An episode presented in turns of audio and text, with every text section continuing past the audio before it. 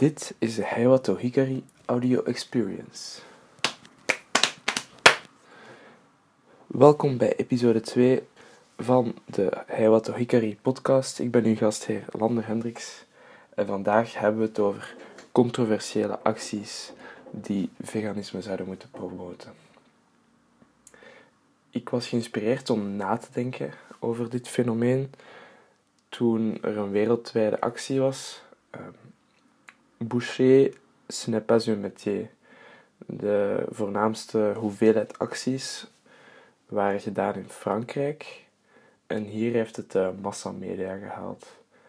Natuurlijk een bepaald beroep van mensen rechtstreeks aanvallen uh, kan natuurlijk heel vijandig overkomen. En er waren veel mensen binnen en buiten de, buiten de dierenrechtenbeweging die dit echt een heel slechte aanpak vonden. Maar natuurlijk kunnen we er niet, niet kijken naast het feit dat er activisten op tv zijn gekomen en dat er radio-interviews gedaan zijn, waarvan dat deze acties eigenlijk de aanleiding waren. Zo zijn er vorig jaar ook al acties gedaan in Spanje dat er iemand bij wijze van een kunstdemonstratie zich ingepakt had als mensenvlees en dan op een plein gaan liggen, denk ik. Maar wat, wat is dan mijn kijk hierop, waarvan ik denk dat, dat het jullie een meerwaarde kan bieden? Nu, ik begin bij eender welke actie. Alle acties hebben verschillende percepties, want iedereen heeft een andere gemoedstoestand de dag dat hij ervan hoort. Iedereen heeft een andere achtergrond. En natuurlijk hebben we allemaal onze vooroordelen enzovoort. Maar wat zijn nu de belangrijke eigenschappen of gevolgen van een actie waar dat ik eigenlijk om geef? Oké, wat willen we? Dat het bereik heeft, dus dat kan gaan van veel bereik tot weinig bereik. Zet het mensen tot aan tot nadenken aan, tot denken? Of heeft het totaal geen effect? Dus als er iemand hoort van het nieuws of er iets van ziet, heeft het effect of niet?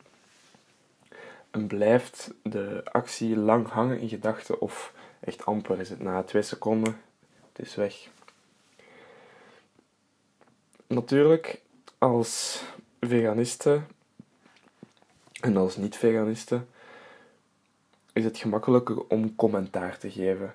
Maar ik denk dat het belangrijk is om ons erbij neer te, leggen dat we geen of heel weinig controle hebben over wat dat alle andere activisten doen. Dus ik zou focussen op de conversaties die gestart kunnen worden naar aanleiding van een, een initiatief of een kunstdemonstratie of een een reddingsactie zelfs. Ehm,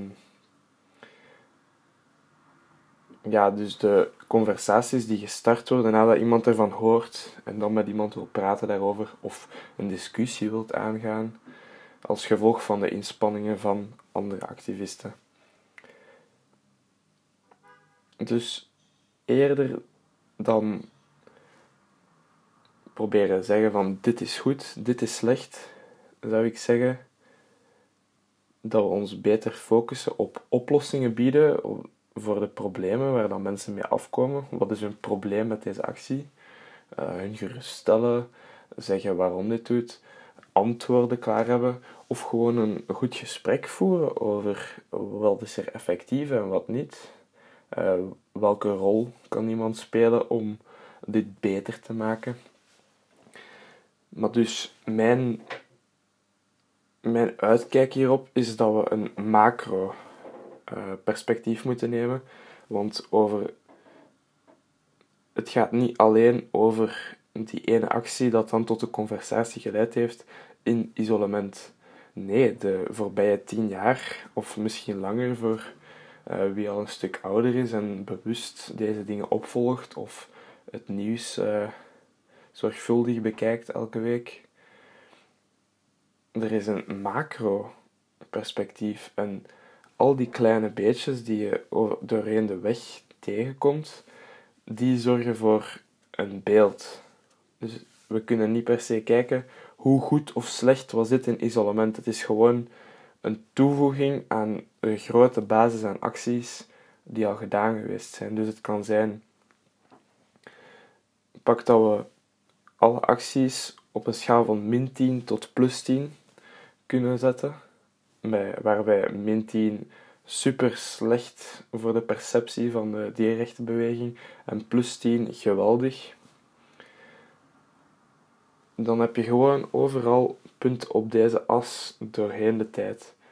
En ik denk dat het belangrijk is dat we het gemiddelde van al die acties boven neutraal houden, dat het geen positief of negatief effect heeft. Maar als we niet veel acties doen, dan gaan we ook niet weten wat dat werkt, wat dat niet werkt, um, hoe dat we dingen moeten aanpassen. Er is natuurlijk een plaats voor uh, denken over strategie en constructieve feedback geven, maar het zou beter zijn als ze die, die, die dan geeft, die constructieve feedback, of als je wilt discussiëren over strategie, dat je dan die redenering onderbouwt met bewijsmateriaal of referenties naar andere bronnen om je argumenten kracht bij te zetten, want zo kan iedereen eruit leren en is het niet gewoon een conversatie waarin dat jij je gelijk wilt halen.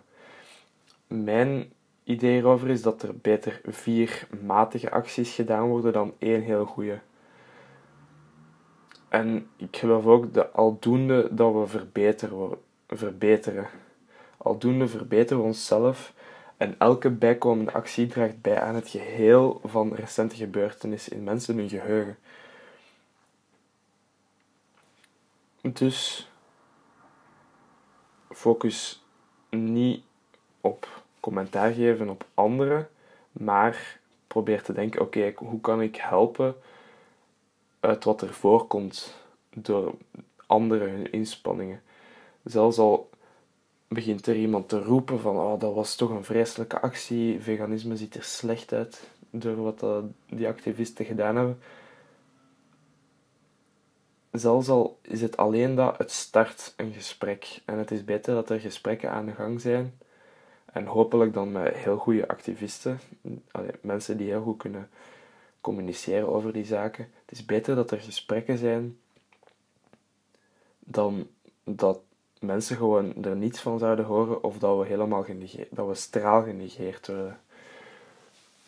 Nu, wat is voor mij een actie? Dat kan alles zijn van een taart bakken voor buren, een toneelstuk, een video maken, een reddingsactie gaan doen, een screening geven of iets nog veel groter organiseren, zodat meer mensen zich kunnen inzetten voor iets zonder per se uh, uit hun comfortzone te moeten treden voor mij is het belangrijk dat er ook input komt van jullie. Dus wat denken jullie?